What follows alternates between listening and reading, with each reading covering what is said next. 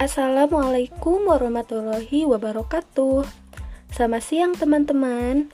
Kembali lagi dengan saya Mila Nurpatimah. Nah, di podcast kali ini kita akan membahas satu topik yang berhubungan dengan perekonomian. Jadi di sini kita akan membahas tentang perekonomian pada masa transisi, yaitu pada masa pemerintahan Bapak Presiden Baharudin Yusuf Habibie atau BC Habibie. Nah, penasaran dengan ceritanya? Langsung saja kita ke pembahasan.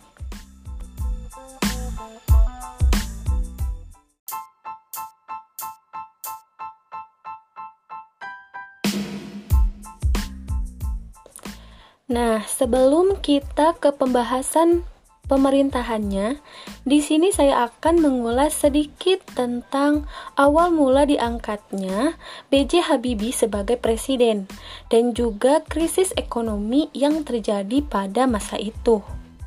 Seperti yang kita ketahui, di tahun 1998 terdapat krisis ekonomi, di mana kurs atau nilai tukar rupiah mengalami tekanan hingga 8 kali lipat dari yang tadinya 2.500 per dolar menjadi 16.000 per dolar.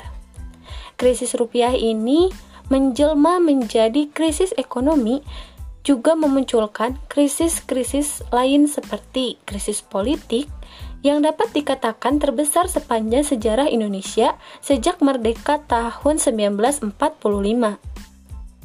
Krisis politik ini di antaranya tragedi Trisakti dan kerusuhan paling besar dan sadis yang dialami Indonesia. Akibat krisis politik ini, pada minggu-minggu pertama di bulan Mei 1945, DPR untuk pertama kalinya dalam sejarah dikuasai oleh ribuan mahasiswa dari seluruh Indonesia. Puncak dari keberhasilan Komban Mahasiswa ini adalah pada 21 Mei 1998, yaitu Presiden Soeharto mengundurkan diri dan diganti oleh wakilnya Baharudin Yusuf Habibie di mana pada tanggal 23 Mei 1998 Pak Habibie membentuk kabinet baru dan menjadi awal mula dari terbentuknya pemerintahan transisi.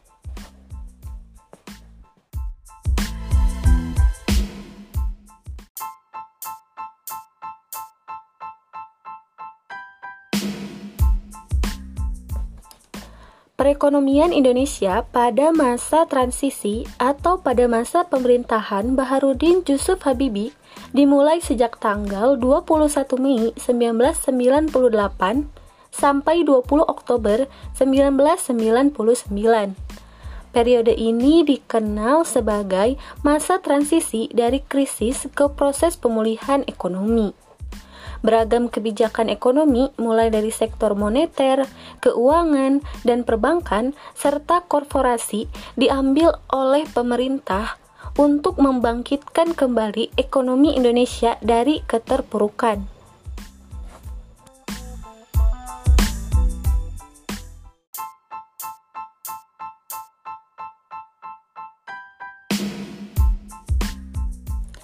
Adapun pencapaian pada masa pemerintahan Bapak Habibie dalam perekonomian di antaranya ada tingkat PDB per kapita.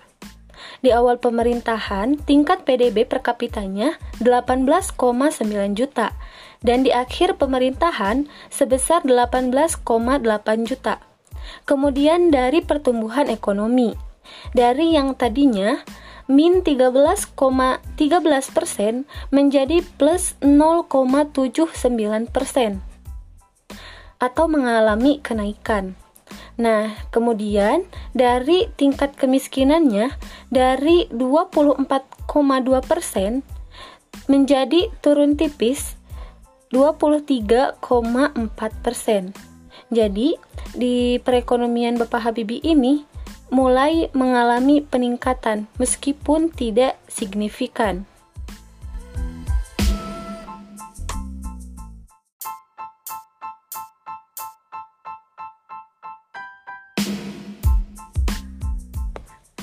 Adapun kebijakan-kebijakan ekonomi yang diambil oleh Presiden Habibie di masa transisi ini di antaranya adalah kebijakan reformasi ekonomi yang terdiri dari kebijakan independensi kebijakan moneter di mana independensi kebijakan moneter ini seperti menandatangani status bank sentral sebagai bank yang independen. Selain diberikan status independen, Bank Indonesia juga memiliki tugas untuk mencapai dan memelihara kestabilan nilai tukar rupiah, mencapai sasaran laju inflasi, dan juga menjaga kestabilan nilai tukar rupiah. Kemudian, mengendalikan jumlah uang yang beredar. Dan yang terakhir, menaikkan tingkat suku bunga sertifikat bank menjadi 70%. Ini merupakan salah satu upaya pada waktu itu untuk mengurangi jumlah uang yang beredar atau tidak terkendali di perekonomian. Kebijakan reformasi ekonomi yang kedua yaitu restrukturisasi perbankan dengan cara menerbitkan obligasi senilai 650 triliun untuk menalangi perbankan yang bermasalah. Yang kedua, menutup 38 bank yang bermasalah dan juga mengambil alih 7 bank. Ini merupakan akibat dari masa pemerintahan Soeharto yang melonggarkan pendirian bank baru. Akibatnya terdapat bank-bank yang bermasalah. Oleh karena itu, di masa transisi, Bapak Habibie dilakukan restrukturisasi perbankan. Nah, Kemudian, kebijakan reformasi ekonomi yang ketiga ada penetapan desentralisasi fiskal. Artinya, pemerintah daerah diberikan kewenangan untuk mengatur daerahnya masing-masing, seperti pengaturan, pembagian, dan pemanfaatan SD nasional secara berkeadilan.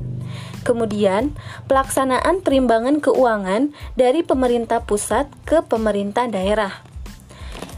Kebijakan selanjutnya ada kebijakan konsolidasi fiskal yang meliputi membatalkan sejumlah proyek infrastruktur, menghentikan perlakuan khusus bagi mobil nasional, dan juga membiayai program jaring pengamanan sosial. Di sini terkait kemiskinan. Dan kebijakan yang terakhir yaitu kebijakan kesehatan korporasi yang terdiri dari merestrukturisasi utang swasta lewat skema Indonesia atau Indra dan melarang praktik monopoli Bulog dan juga Pertamina.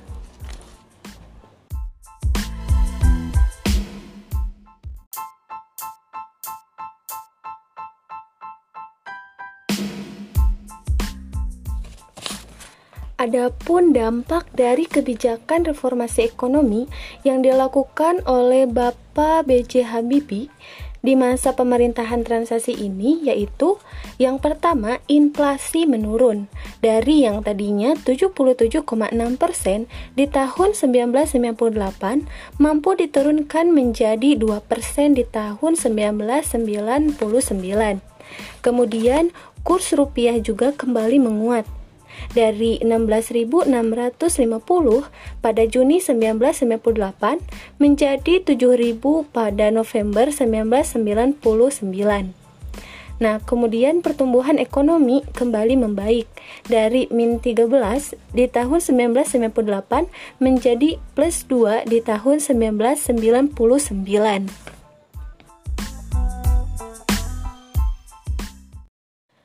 Nah, baik teman-teman, mungkin itu sekilas tentang perekonomian Indonesia pada masa transisi, yaitu pada masa pemerintahan Bapak Baharudin Yusuf Habibie.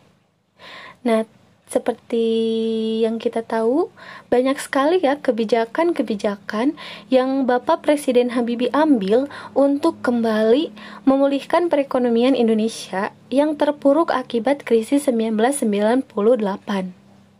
Nah, bagi teman-teman yang penasaran tentang pemerekonomian Indonesia pada masa reformasi, bisa ditunggu di episode saya yang selanjutnya ya.